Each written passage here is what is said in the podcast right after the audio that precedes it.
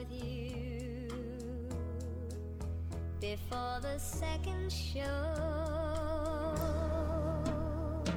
Så er vi atter, Bjarne Mhm. Ehm Som vi plia Vi einar etla tveim og vikon i middelen Og Jeg får bare byrja at vi har sier at jeg har ikke nek tilfærd det Nå, no. ok. Det er simpelthen tog at det hender ikke i verden. Og det lytla som hender, det vil blokkere av sånn støye av Facebook fra sånn konspirasjonsteoretikere som sier at det framvis vær velsvik i Pennsylvania. Og yeah. at det var en som Det var en som uh, en tjekktrei i, i fyrjun har pusha en konspirationsteori i en vike om at Donald Trump er sistna badne tja Julian Assange. Ein föringer? ja, ja. Men alltså kvar komma där från att komma så är miskaiser Lorvik och sådär så typ när jag ska komma Jag vet inte, jag vet inte. Jag vet inte kanske alltså det har totalt flöj under radarn någon och ta så en sån bölker som tog in politiska mening börjar existera på Facebook så stämplar det knappt in i världen. Ja. Vi en är rikvi av vitan som vid ånder slett inte har mig innlitt i. Nej, vi har ikke avkonkla det. Att det kräver lock innan det vitan. Ja, ja. Og jeg, jeg leser syndrøs nere tjekksan og det av, av Facebook er nere tog politiska mening. Um, mm. Og her var onker som eisen gramt seg om at det er for nek støyer bare nu. Det, det hender for lite, det er for nek folk som setter sine egne Donald Trump eller mink agenda. Mhm. Mm -hmm. och här var så en som bara jag vet inte om han är danskare eller förringar men han skriver ju öll förna för av danskon. Han skriver bara han stäffeste bara turisle och just det checkt så någon att där foregår inte så mycket på färjorna i ögonblicket. och det det må vi bara stäffeste och till tog att det här för totalt rogue snär är på Potter han för totalt ut angsten här som vi vet inte vidare kan vi vänta. Tui att så lyder hänt. Men alltså alluga väl akkurst är hänt. Och ett av dem man kan säga väsentligaste ting som är hänt sen så viknar till er at Hans Johansson finns jag nytt namn. yes. Yes. och och till namnet är alltså Tickner. Ja, nämligen. Som är ett spin-off på glittner eller lag short, jag vet inte. ja, ja, ja, ja. och jag vill bara säga för mina mina väg, nej, jag vet inte du samt men det är kraft ett mig i orta. Jag bröta namn i hans orta. Nej, nej. Nej, nej, nej, det är det inte, det är det inte. Du, vi har haft det där för vi att alltså vi har det gamla standard någon som har hyllt i i flyer år 100 eller ja, jag vet inte hur så i summan för det förna Giorgio Armani och så där. Mm, mm. Så får man kraftigt med väck från Hans Johansson. Ja, det är längt ute. Alltså till du har ju du har helt där uppe vi Versace och Giorgio Armani och Hugo mm. Boss som mm -hmm. bara är known till personen. Mm. Lagerfeld, Karl Lagerfeld. Så har du Hans Johansson och Marie ja. Paulsen och Valdemar ja. Lutzen och alla ja. Ja, ja, ja. Men alltså vi har bara staffat Hans Johansson fer nu ur okkara orðafunge og í sum botnun ner og til er nok til at vit ongantu nekrandi atter for at nevna til fyrtøgna som i det eide tikner. Ongantu. Ja. Til er her vi dett for okkum.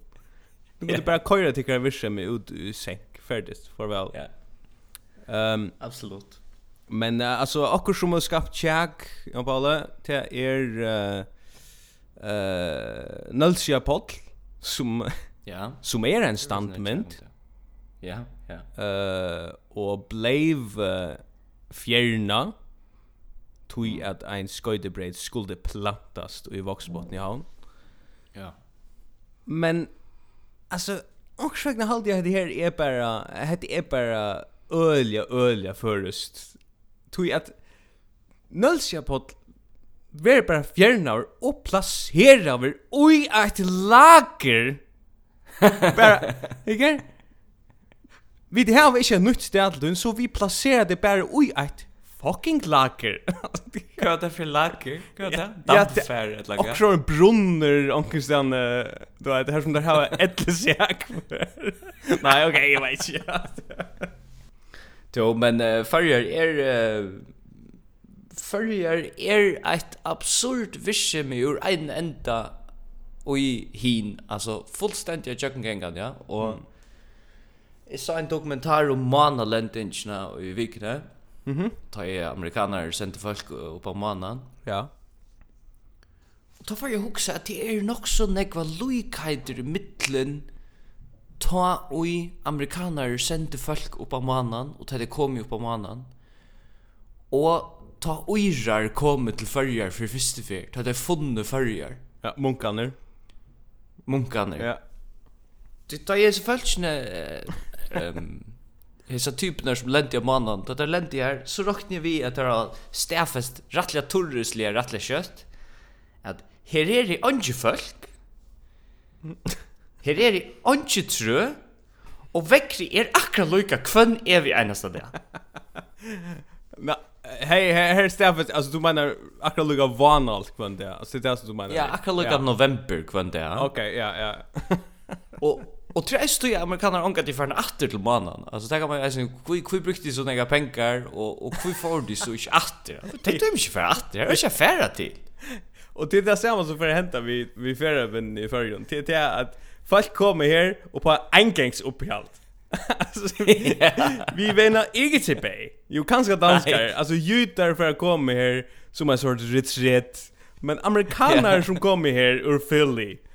Där för inte jag vänta att det är till där, där kunna kunde sig några timmar till, till um, Mex Mexico eller också där, eller Haiti. Ja, Men det är öjliga, alltså det är öjliga turistliga stäffestingar som har gett för sig här i Rocknivy, tjöjs nu ur någon. Mm. Och akkurat som det da det var jo mannen og hukte nere i hjørna, så stedfeste det eisne, her nere er veren. Ja. Og det har vi ser uiran og Estjørs, der hukte ut av havet og sagt, det kommer skreift.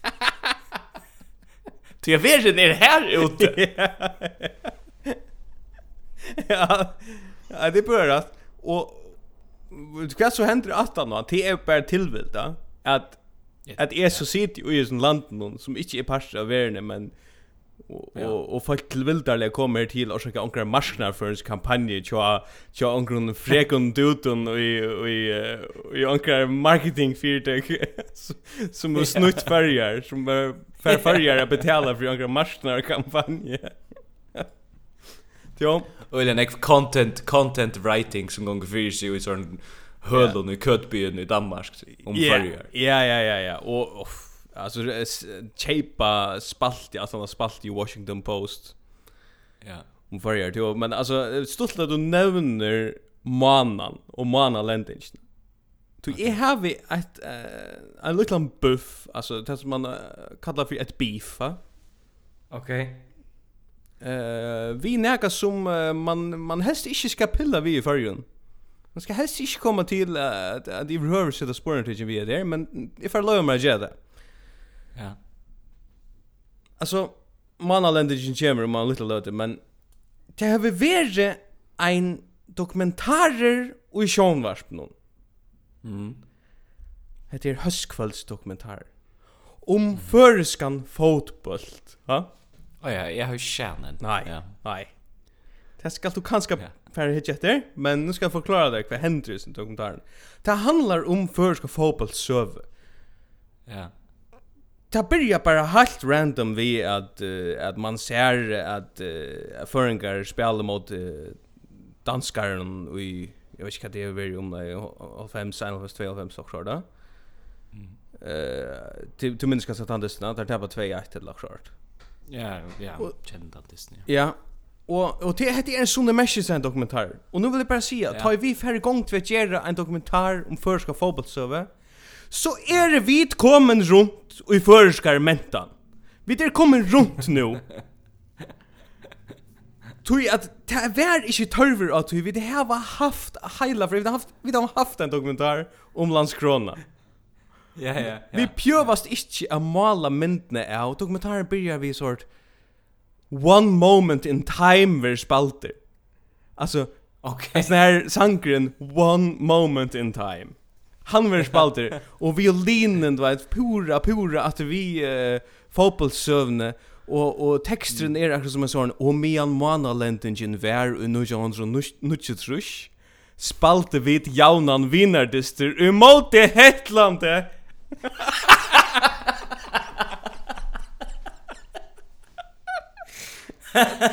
Ikke spela mer enn av violin at vi er sånn her setning noen her. Ikke røyne at, at snuita med her. Ikke røyne snuita med vi sier at vinar distro mot Hetlandi og til at spela en grusvedli når du skjel fyrst i Lorvik er lykka størst som en manalending. Altså det er det ikke. Nu kan ikke komme, og så er okkurst, vet, så er okkurst legendarist mål som man kallar det fra okkurst som heter Paul Enoch en fluktare emot en veteranlandslige till Danmark Danmark nu jag nontra och grönkval jag kunde inte skita mer åt det och det kan inte bli vi att glorificeras i förskar söve av fotbollstren har haft nekran som helst leiklod och i søveskriving i förrgon i övrigt nej nej Og, og Odne Gregersen vill citera just nu så kände inte han sier så att eh uh, att men bara sen det handlar om det är limaskap i UEFA och FIFA och sådär. Mm. Och hur det relativt byråkratiska arbete skall malast som en störhäntinga. Han han ser det som mm. ja alltså men man ser som är att akkurat om det att du ska så fyllde det ikke kjærlig enn ek i løven og tja nøkron. Kui skal man så gjøre en dokumentar nekvar at han om om näka som ikke fyllde näka som helst. Altså en MTV motmälles gånga fyllde Maira i luven tja fällde. enn ja. en limaskap i FIFA og UEFA. Men men det är som vi blev vi över offer offer där var vi det i FIFA. Alltså det är så det är bara en Lima. Alltså det är ju Alltså det är akkurat som bara naturlig progression. Alltså det är alltså det är alltså inte något så som att vi då finner ju världens bästa vinstra back eller så. Det handlar bara simpelt om trader för jag vill vi. Ja. Så så så har vi det alltså nu måste ta fotboll alltså det som ett tema som nu gör vi det där välja och till knockout i alla såna. Men vi då har haft så kappingen som ett Nations League. Mm här finner man det av, altså, helt, helt in i kappingsene, att det är inte en kapping. och det, og det er ordentlig et størst problem för jag til att vi vinner kappingsene, men det är inte en kapping. Och så, och så ständer man liksom vi en problematik som är att skulle vi jubla om att vi har vunnit dessa disse så skulle vi, skulle vi joke en sån illusion av att det är en kapping? Det var alltid vi så att göra. Det det kort vi fullt ut. Det valde vi då göra. Du vet, jag sa ett citat av in.f um, om till Malle som vi vi jauna mot Malta för jag vinner den där bultjena. Mm. Eh så ständer citat här. Nutje minutter efter att han var skifter in skorra i Are Mor Jonsson ett till tuttingar Miklasta Malle som förringar hava skorra och i fotbollslandsdiste. alltså nej, det är inte en kapping. Det är en glorificerad vinnardyster. Låt ta litja, låt ta färra. Det är en innandra kapping av kampställe som är ute. Ja. Och i mitten till vildarlig. Nej, om inte det är ordentlig liv, men det är alltså jag jag pratar ju om kran Uira som bor där. Han, han tar Ura spela i sin Nations League. Han sitter och smickret i Urland. Du det är halt att det är ett lotakast. ja, nämligen. Det är halt att det är så att det är cool by Charles nu FSF typen. ja. Nej. All right. Men där kan man se det är pura samtidigt där. Hinvägen vill är gärna stäffesta här. Vi hade vid det här första som säger att det här första som har bitte mest ju i det här. Och till er att alltså här vänjaren Håkan Eriksson. Samma vi Magna Mor. Här var transformerat av föreska manslandslige till att vara ett sort Serie B italienskt liv vi tar fashion. Ja. Där har gå fashion. Fashion är så stod det så stod det mot Malta. Nej, jag bara så mindre av hans kläder. Ja, alltså, jag vi på hans. Kvar kommer det heter bruna lucci, heter olja. Alltså är man super raffinerad. Kläderna kommer ur en sån alltså jag vet inte en bruna liter som är onkande i funnit i i i färgen kanske i Colorama. Att det en att det är lucci bruna liter. Ja. Gå bruna liter. Ja. Ja. Alltså olja gott ju allt. Du apropå, jag hörde jag hörde faktiskt sånt arg eh sistna batten nämna att han har haft av sig nu då två svängst. Ja. Ja. Och Håkan. Eriksson tåsa svängst. Jag hörde faktiskt att uh, Söndra Arke intervjua Håkan Eriksson och Lena lilla umbering in attan att han för sitt vanliga svenska. Men han mm. att han arbetade ju öliga harst på det vi hade hitta efter otäljande svenskon krimisendingon och i lötne var han igång vid kursvalanter. yes. det är det. Ja, men det är det. Ja, jag har gått sitt här. Ja, jag hade fått. Jo, ja. Men nu har fotboll ska inte fylla allt. Eh, nej. Vi vi kunde färra över i till för en statistiker i senast nu, följe. Titta vad det? Tror jag några kanningar. Tar ju noter, tar vi notera mer. Ja, helt ja. Ja. Alltså jag också jag kan ta också här alltså eh Fjore kvör føreske dronker, 25%, hever svære i en europeiskar kanning, er at han og i mial brukar meira enn 6 timmar om dagen til teltespøl. Wow, tannig. Til vilt da. Og ja, vikeskifte stier brukar heile 93% av dransjonen meira enn 6 timmar om dagen til at spela teltespøl. Okay. Og jeg vil bare si at det her nye lägger nye lägger heila frede som vi kallar för for uh, heimafri, halde jeg. Så heimafri er orsaken til at det unge unga folk spelar näkt helt. Alltså det är inte hemmafri ska nio läggas att han där. Vi kunde inte se det nog ofta. Men nej. Men ju mer att du blir folk vara hemma, ju mer att helt spel vara spalt. Ja, ja. Tu skal, tu skal hemma för dämpa så det så här i förr. Det passar och isen i hemma till touch i är så gör jag. Mm.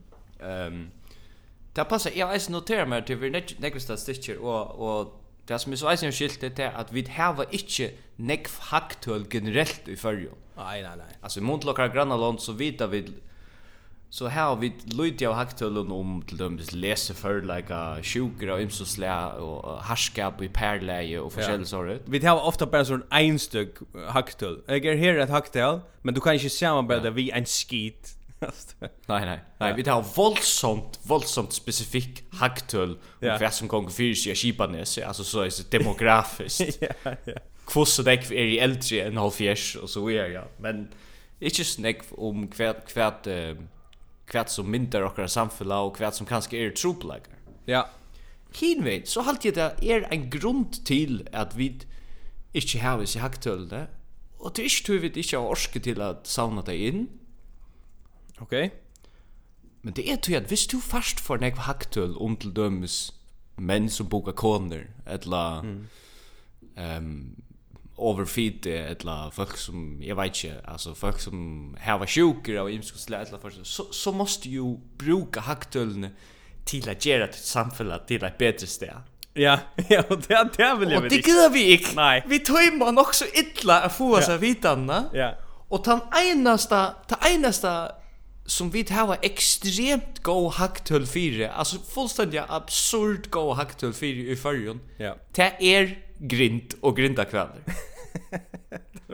og til okay. vi kom bruka te hacktullne til at verja okkara grinda drop via til borardik. Det er ena så det är ena så vi tog med sauna inn. Det är det som är mega konsekvent jag öll åren ja så helt rätt alltså.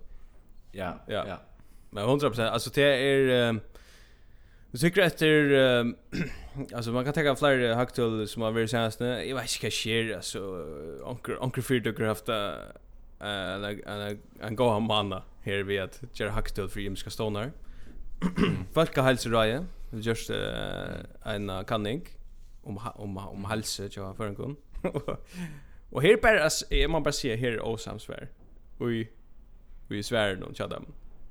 Okej. Okay. Tui att vi sutja til at han han ein ta ein urslite viser sambarstana greina kring kvarpnon eh, kring at 50 kvör føringar viar för nek.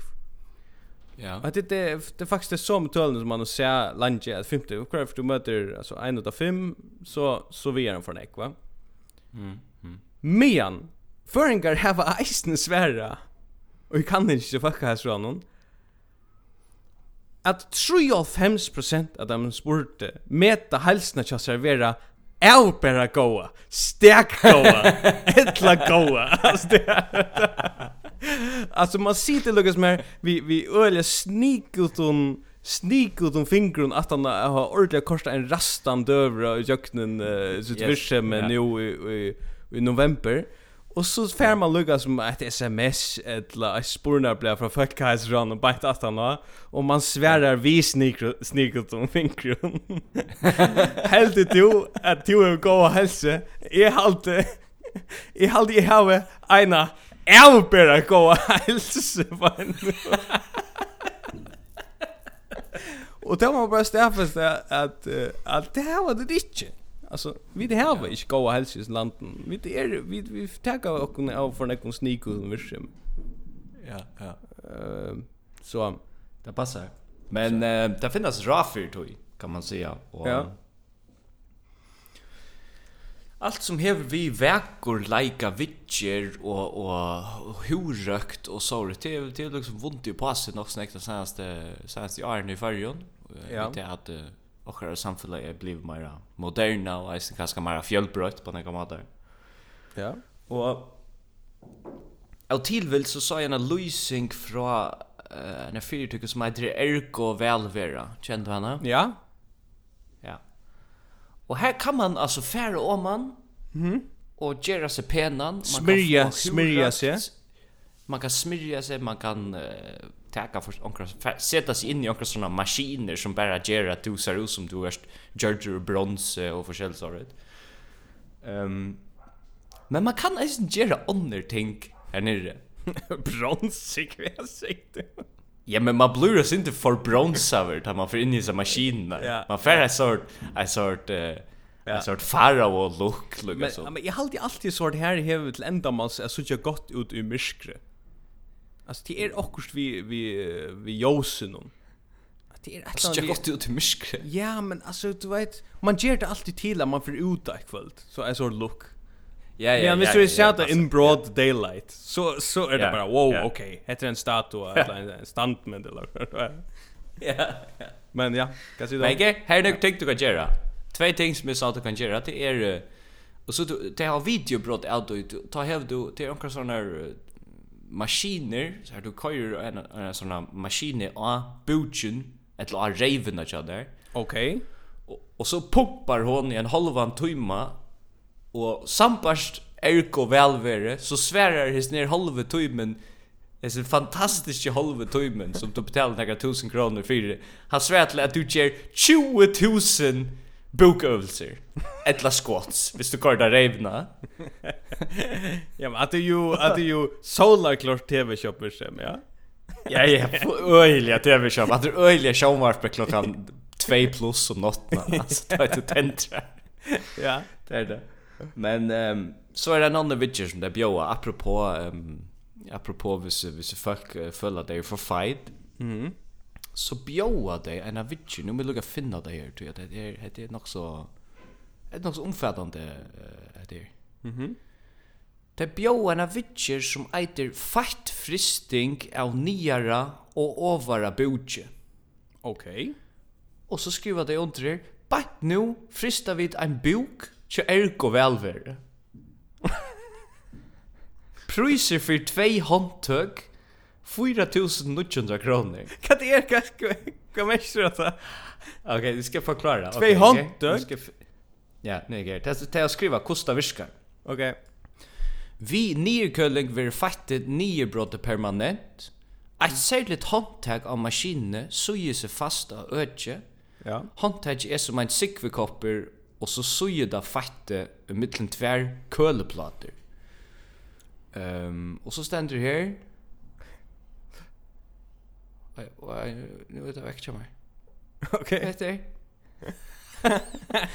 Det ständer, det ständer i lösningen. Fattepåd er det som oftast hormonellt eller genetiskt treitaje og er det ser ring av få borster vid klantjekoron og vending. Men nu hever ta træska fatte finnes en ivemann. Okej. Okay. Fight fristing er ikkje ein klatchekurer, men ein mata at taka tei, ein mata at taka tei trashje fighte potne borst. Alltså så basically ser det, du är genetiskt designad till att ha så snäck fight. Men tillräcka mycket till du kan komma om i Erko Valveri och så fixa vi det. Så du kan vara genetiskt och helt annan. Vi har vunnit och fighten någon. Alltså vi har vunnit yes. koren och sånt. Ja. Men det är jag för att uh, en avhet antal hvis det var jag några pengar till Sverige kan så bruka det till ja. så fär om man i Erko Valver och ja. fight knäna fight fristing. Ja ja ja, 100%. Och alltså ett annat alternativ som är så typ bara boomar ut i sociala medier.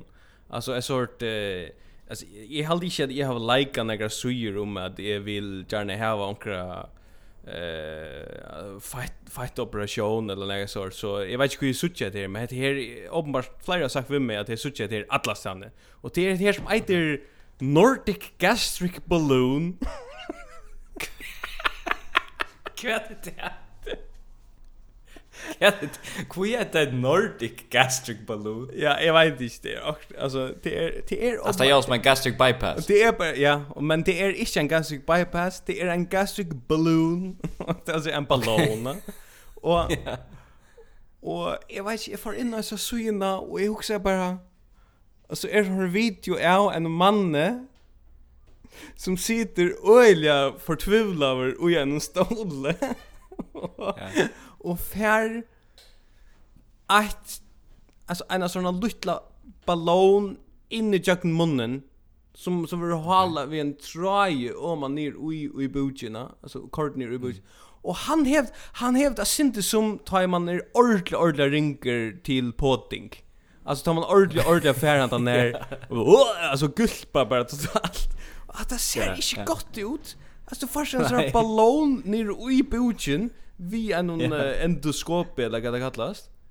Ja. Ungen ungen ungen operation eller något sånt. Vad ska ske? Jag vet inte. Jag vet inte.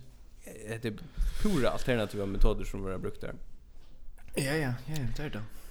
Jo, ehm Alltså jag jag hur lukar vänta en någon alltså nu nu är det synd vi vi alltså du har sagt att uh, förr har sagt att handbollsläggare kanske inte sin bästa form ja. Alltså nej, så där har kanske syndra ega kilo. Kanske det brukar det till att att uh, att skumpa synder vi. Fair mm. fair nog vi tror ja. Eh du är en sak när för handbollen vi har en alls. Okej. Vi corona. Alltså det var så att jag tänker en likare hem till förra. Ah, ja. alltså en som en danskare som har bara varit nere Och han spalte Arn 60 år var fan ja. Han spalte ganska okay. negativt att han. Ja. Och det är bara så symptomatiskt för hur en av fjärsk virsem. Alltså virksomhet. Til Det är att att det är ju sekteriskt virsem i höjvika. Och det måste stäckas nu.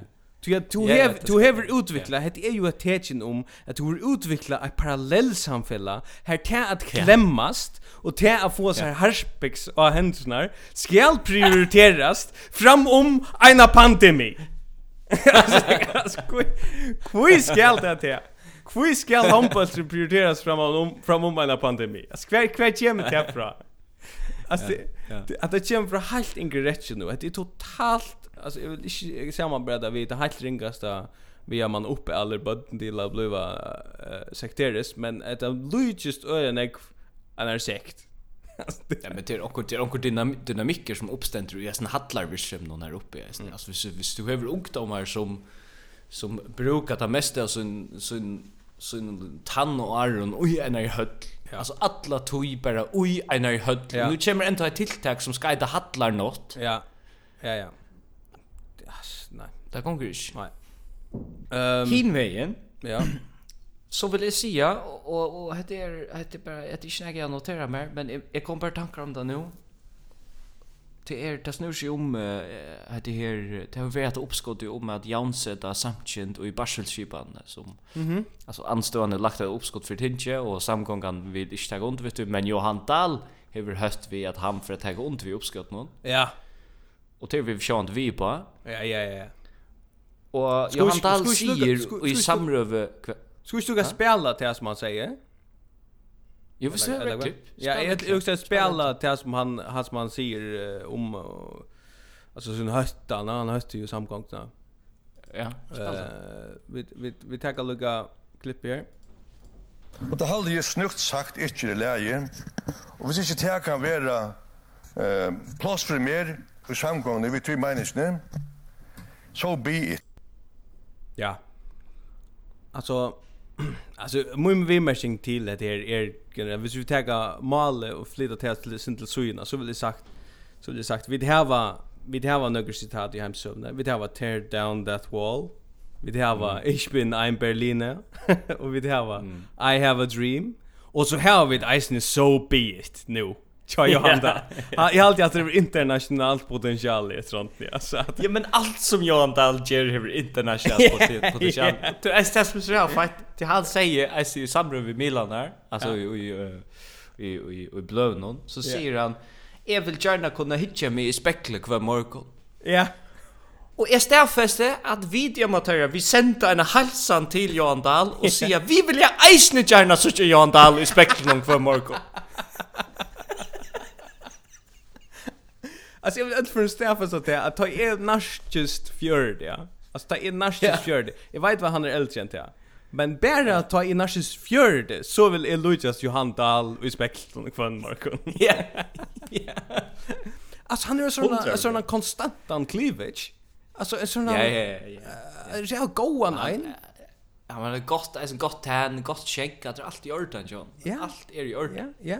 Och han narskas Kina, alltså som vi har jag har inslag där om en uh, Donald en vinnlövisman som finns jag också om om alla land i Kina och i i Jordan. Mm. Johan Dahl är väl i Kina i flera år. Ja.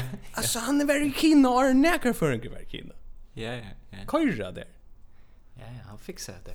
Ja, att göra det sån. Ehm, men det uppstår sån den next check på sjö sån här. Jag vet inte om jag har ju kört la ho att att kasta mig nöjda men jag husar vi må teka nökra av de tingene som blev är lusta i etter seg vitsjerne, när det er vitsjerne, det er malig i tingene, og man jansetta mm -hmm. samkjent i barselskipanene. Mm. Og Stefan Klein Paulsen Wow, wow, wow, wow Han var off Han den Ja, ja, han var off Alltså jag huxar hela tiden. Jag har haft en milda sympati för för personen hon Stefan Klein Bolsen men inte för mining någon just Stefan Glambosen. Jag också han virkar yes. som en sympatisk för att lugga då. Men han var här way off här. var off. Ja. Jag vet inte om du skriver också ner alltså. Ja.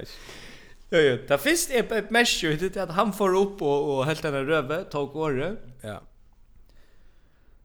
Han pratar bara om Amazon och Malta. Ja. Amazon. Alltså, vi pratar om att Jan sätter Sanchez i Barcelona. Ja. Och så pratar han om vi skifter av Malta ja. som är en vanlig ötja. Ja, men higer hatt är en avlank av Nations League. alltså alltså vi är ju här hvis vi tosa no neck om Malta alltså hvis hvis vi tröntar vattna mer tosa no neck om fotboll och Malta och utvarp någon så börjar och argumenter alltid att vara vi via sammanlukna vi Malta och i öllum förn ja. häst nu Barcelchipan och Barst. Ja. Men i alla fall i samband vi Malta och och Okkurst eh, Okkurst vi att han säger att alla de här LGBT livsstilen som han kallar det, akkurat som det är vet en Jag vet inte, alltså, ja, som om det är en livsstil, det är inte en livsstil. Alltså man gänger fitness, eller klart. Ja, ja, ja. Ett att ute och sånt. Ja. Ehm Han säger är such ett störst maskineri attanfyrir och sort säger han. Ja. Som krøster folk av en vandamikla lei og en vanda mikla livsstil. Okej. Okay. Men här er Stefan Klein Poulsen, to er själver pastor av heimsens största maskineri som er kristendomren. Ja. ja, 100%. Ja, men annars så säger han men han säger Eisne att um, han säger något som jag hade jag synte samkänt men jag älskar dig som folk. Ja, och det är bara några bullshit alltså att komma vid. Ja, det är några bullshit. Det är alltså det är som att vara vad ska fölnande på en reklamma mata. Ja, ja. Och det är det man kollar på. Det är över fölnande på en klamma mat. Vill jag kalla det och jag har jag har sån vanchilon. Men man ska vara försiktig att göra kast vid svältchen till alltså I er altså blind blokkerar av landstyrsmannen og utanriksmannen og menta på. Jeg blir blokkerar av Facebook. Det er omkant blind blokkerer av Facebook. Det er rettelig feit. Du skriver en en en nobla vimmersing om det var också om Jennes, ja? Ja, och så bäst du bara blockerar du sarst inte. Du vet inte ja, hvis du hvis du står där Facebook eh vi ser att jag under här som premissen och idé. Så hej du inte vita om Jens Arena av Facebook. Alltså tror jag att han är blockerad, du finner han inte. Han är nej nej off the radar. Han släcks Han är still av Facebook jag med. Jo, vi har vi har vi har några andra alltså rock i samfällan någon uh, som som mi flockren har kallat det typ ju bara rock och en livsstil och annat gott eh? som ju mm, inte passar vi vill ju inte samtidigt då ehm men ett rock som som är till och uppenbart är är värst ett insla och i kring gap någon det är det är biljard. Ja, det sa jeg. Og jeg er sin her, jeg vil ikke peiling av hva biljard gonger ut på. Jeg var bare at jeg skal ikke spille pool. Alltså, ja, alltså jeg vet ikke hva biljard er, jeg tror ikke ut ut det. Men man domte vel det her, man domte väl seriositeten runt om uh, det innslag. Ja, ja, ja. Det var det var öligt var jag sände i teksten her til Sean the Lloydstones med very a gott ju skala för biljardfälla som, som skipa för en allmennar mottöke og i nutje vänjingarhöllen som er i chattlaren og i kvinneförlagshusen og i klivrum. wow. Hvis nekar alla finnes i hølene, så er det, altså, så er det en ordentlig mission. Og i chattlaren og det heter altså vendingarhølen, hvis det er kapping, ikke fær inn her. Hatt er vendingarhølen, Jakon, det er ikke. Nei, vi har en kappingarhøle, saltingar og... Ja ja. Men men uh, men uh, Malik att han var alltså alltså uh, flyt upp och i är delt och ja ja. Hvordan er det dalter er jo biljard i fyrju? Det er det som er. Alltså det var...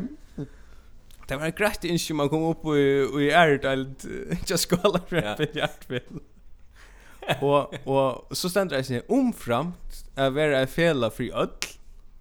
Mm. Alltså tar sig omframt här. Omframt att vara en fela för hela alltså hela frade. Så atlas skala för biljardfela, så är isen att bjöa av idrottarliga. Punktum. Mm. mm. Okej. Okay. Kan man inte?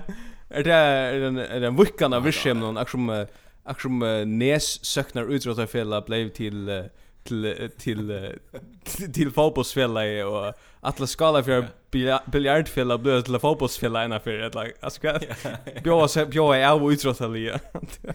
Men det var så jävla gott att det inslaget det var så seriöst. Ja, men att det är fem år alltså. Sympatiska för. Jag själv inte till stier alltså Julius Caesar av Skallafjörden han har funnit och det är att det kommer en kamera och han fer här, han duckar upp, han skjuter några kulor i snö. Tobbe. Så får jag huxa om det jag hade Toppi, han han vi mest i Akkurs Eisen ja. Ja ja.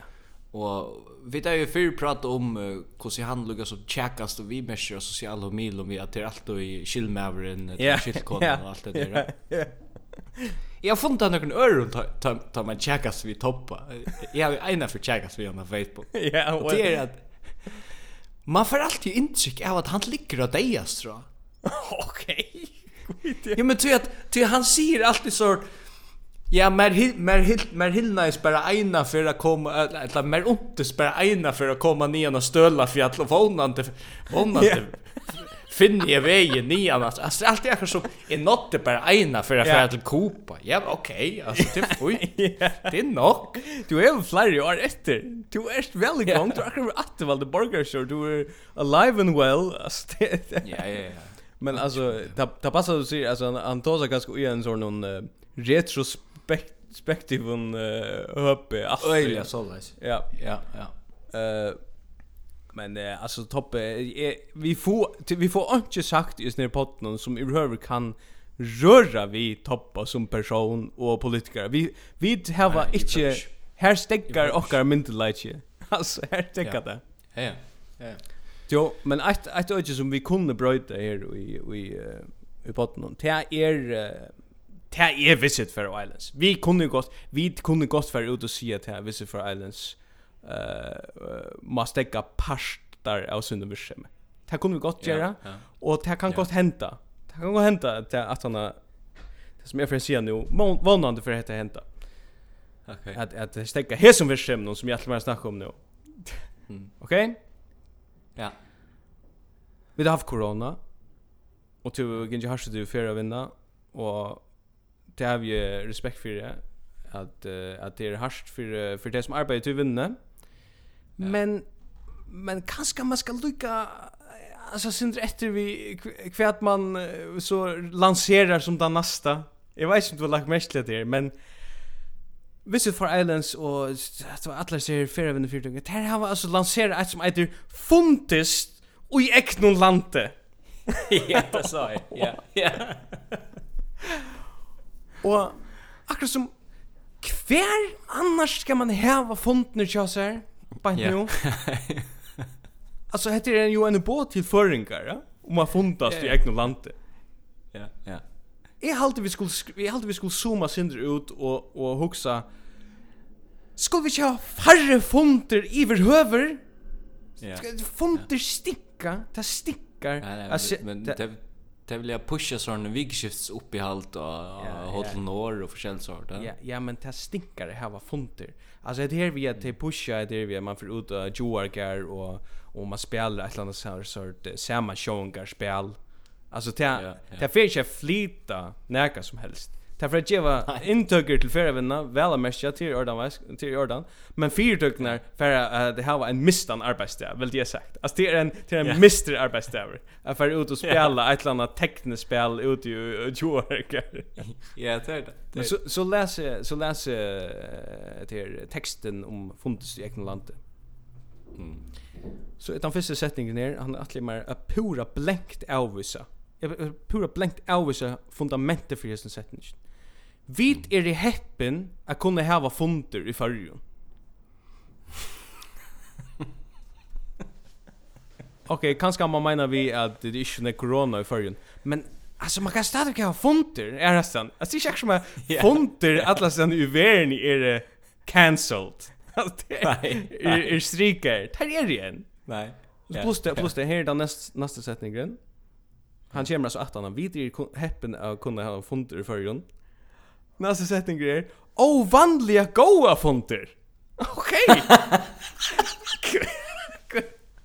Er er det er det okkur som som som Magnumori og Gransko i alla fall kan Gransko jag vet hava bara ovanliga goa funder i förrjun. Nei, Det här var vi inte. Vi tar var öljan en en sterska trick på att skivi oster och och stórar eh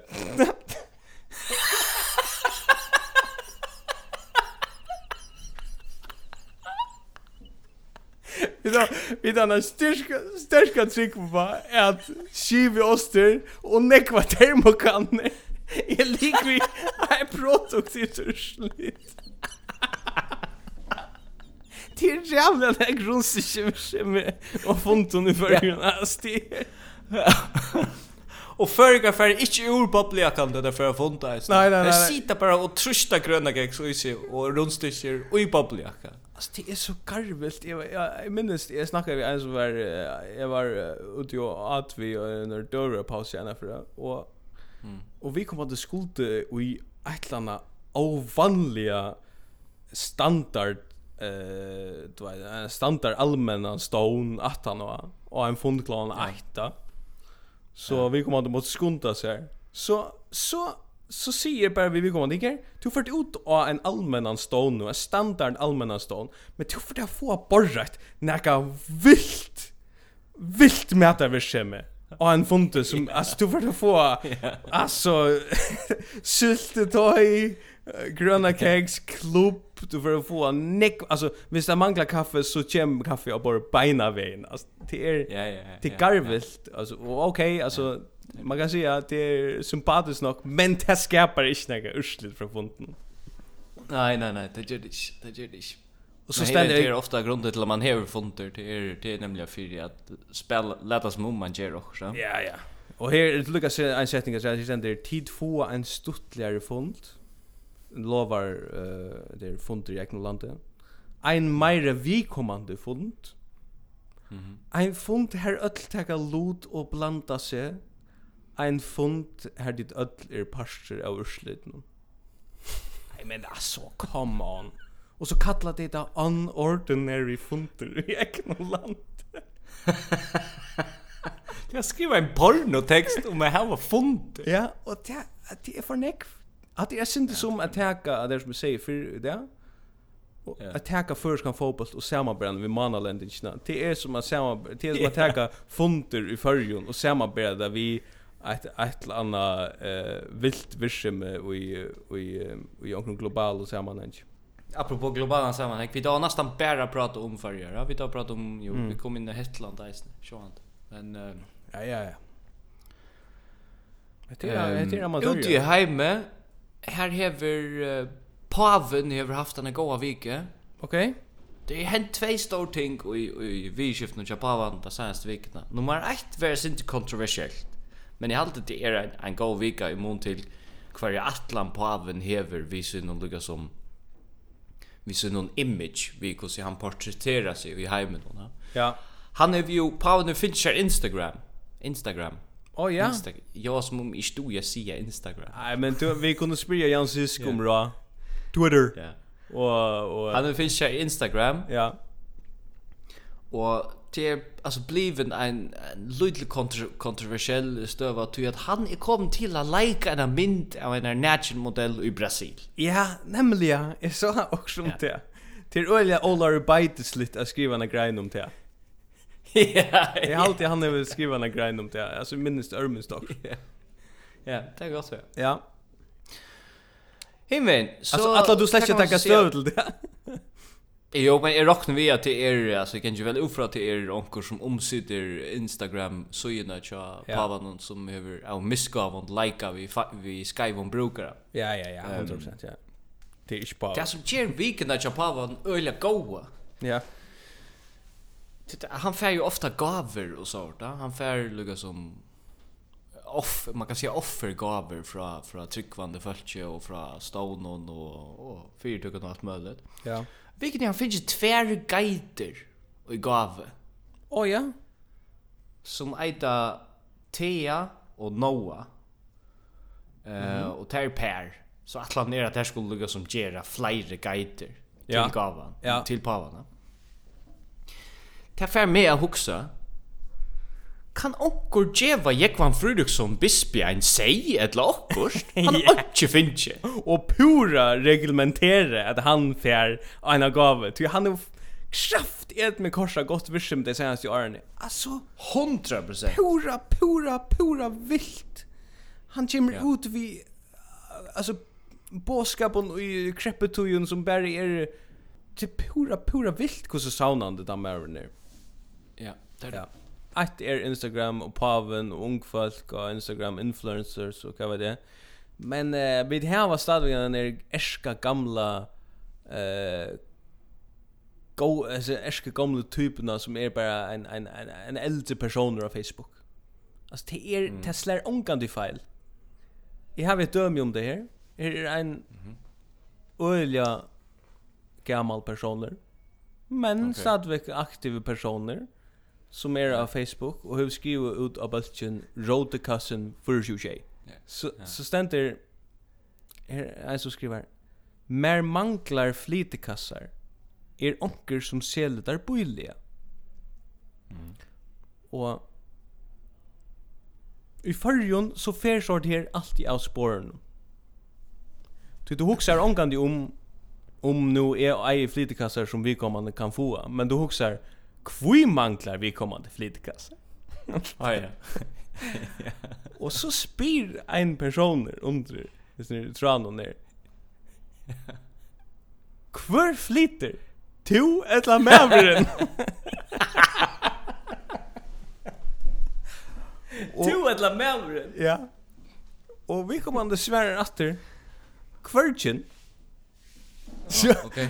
Bara torst stäffest det där det är ofta så vi vi vi äldre folk på Facebook det är det är inte smileys vi för rätter alltså det är torra stäffestingar. så skriver så skriver vi kommer det som spurte om det var uh, hon eller Maren skriver det var gott blev jag inte misstänklig så skriver hon åter Ja, hugsa då nog. Men kvart humra flita efter 5 år så hemman. Fyra spurnar till Hin 20. november kommande har vi ett smaragd brittleip. Fem år samman i sorg och glädje. Hever om också flott flyr. ja, ja, hundra procent. Alltså det är pura grej. Och så ständer uh, så är hin vi kommer att svära efter. Man vet aldrig, men det är stort att höra ATP. Allt är bäst. Mm. Yes, yes, yes, yes. Det är men, men det som är söknes efter att veta här Fan hon lägger flitkasser. Det är får bara ut i ett totalt annat spår och det det händer ju någon. Vi här som Malbus. Hade en god Malbus och av social medier. Ja ja. Jag har hvis vi fer atter til Stefan Klein Poulsen og at er blir blokkera av av Jens Arena på Facebook. Mm. Det pissar mig sen drar han och mig på Facebook. Ja. Nu riskerar jag vi show han det att är för Joa som en sån Julian Assange typ att vad så sort Olle Wick typ som är blir blockerad. Ja ja men du är stäs ni öliga neck och gärna att du viskar som att du bor i en ambassad för mig. Alltså du är du på en på på Buenos Aires. Alltså och du alltså söker du om frishol eller kväll alltså gal. Ja, men jag Jens och och Jens som alltså yngst är Donald Trump skulle blöa fortsätta. Ta slå vi fast nu. Kring vad vi kring vad vi behöver tvinga värja sig själv mot i omkron som som var purast absurd. Men lugga mig ja. Ja. Jens engst at Trump skulle bli blå. Jens innskjer eisne saman vi ørmi flokka folkon at verja ofødda badne alltså ja. vi tar lukka som stöv kampanje emot eh friare fostertöker så brukar de slogan verja ofödda badne. Ja. og her vil jeg si at det er pura samter verje ofödda badne. Mhm fra en elendion løyve. Ja. 100%. Det säger jeg vad säger. Ja, men og eisen til at man sier very ofta på barnet. Er det eisen galtande tarra vekna fire hvis du hei vita at barnet vær samkjent? Arne da ble født. Er det eisen galtande fire tei? At det tei skulle verjas? Nei, det er det ikke, nei, men det er, nei, men det er, det er en luftstøyler som man færre av Malta. Ja, ja, nei, ok, Malta, ja. Yes, men jag hade att uh, vi för vi för runda out uh, som sagt så är uh, så så är uh, inte så förfärligt när det hänt att han har ett uh, ett häftigt kommuneval och stormer för ju så ta ta färra folk bara in i sig själva. Alltså det det det det Liotar. Det det stadväck Valsvik Pennsylvania så yeah. Så. Jag var i i Eknon Örndon in jag som är det snöje.f annars som här man kan få yeah. en skanning av badne. Eh. Uh, ja. Och jag läste tillfälligtvis att man kan få en sort 3D-skanning. Okej. Okay. True off, ja, jag helt det. Och och här så är att uh, vi och ju typ prysen som står för 3D-skanning. Det är som så särskilt badne bara bom på en väg nära. Ja, så särskilt ja, väl. Och så ständer vi i prysen är en skrivlig frasökt og isra kanningene. Fyra mynter. Fyra litmynter. Ein teltepost vi ötlu mynten hon. Ja. Og og ein DVD vi filmer allar skanningene. Alltså en fysisk DVD. Ja, så som är du jag läser det här så är det här att jag måste skaffa mer en DVD av spelare hvis jag ska igång till det. Ja. Jag ser bara det är mera möje än föje är får en DVD stunkna i handen och i det. Ja, ja. Det det hjälper där inte visst redan. Nej, nej, nej. Så vad ska jag jag har aldrig droppt. Men fint, Ehm Nasla. Yes, vi det efter att att det sker mer i som samfällan och ta mars ta man hända och i i december som som uh, som verkligen är värst att att uh, att ta färdtro i alltså jag kan lyga lyga lägga till att at, uh, för Vilmund Jakobsen ständer veren inte just det. Det oavsett om det så händer också i förrjon eller primärt i norra så är han klar mm. vid det första. Mm.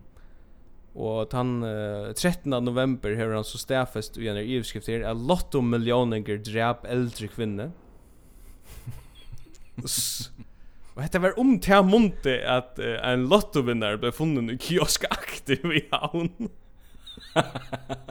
Så det är vilt det är vilt clickbait Det er det är jag husker ganske det er mest listna greinen Nekrand Ja.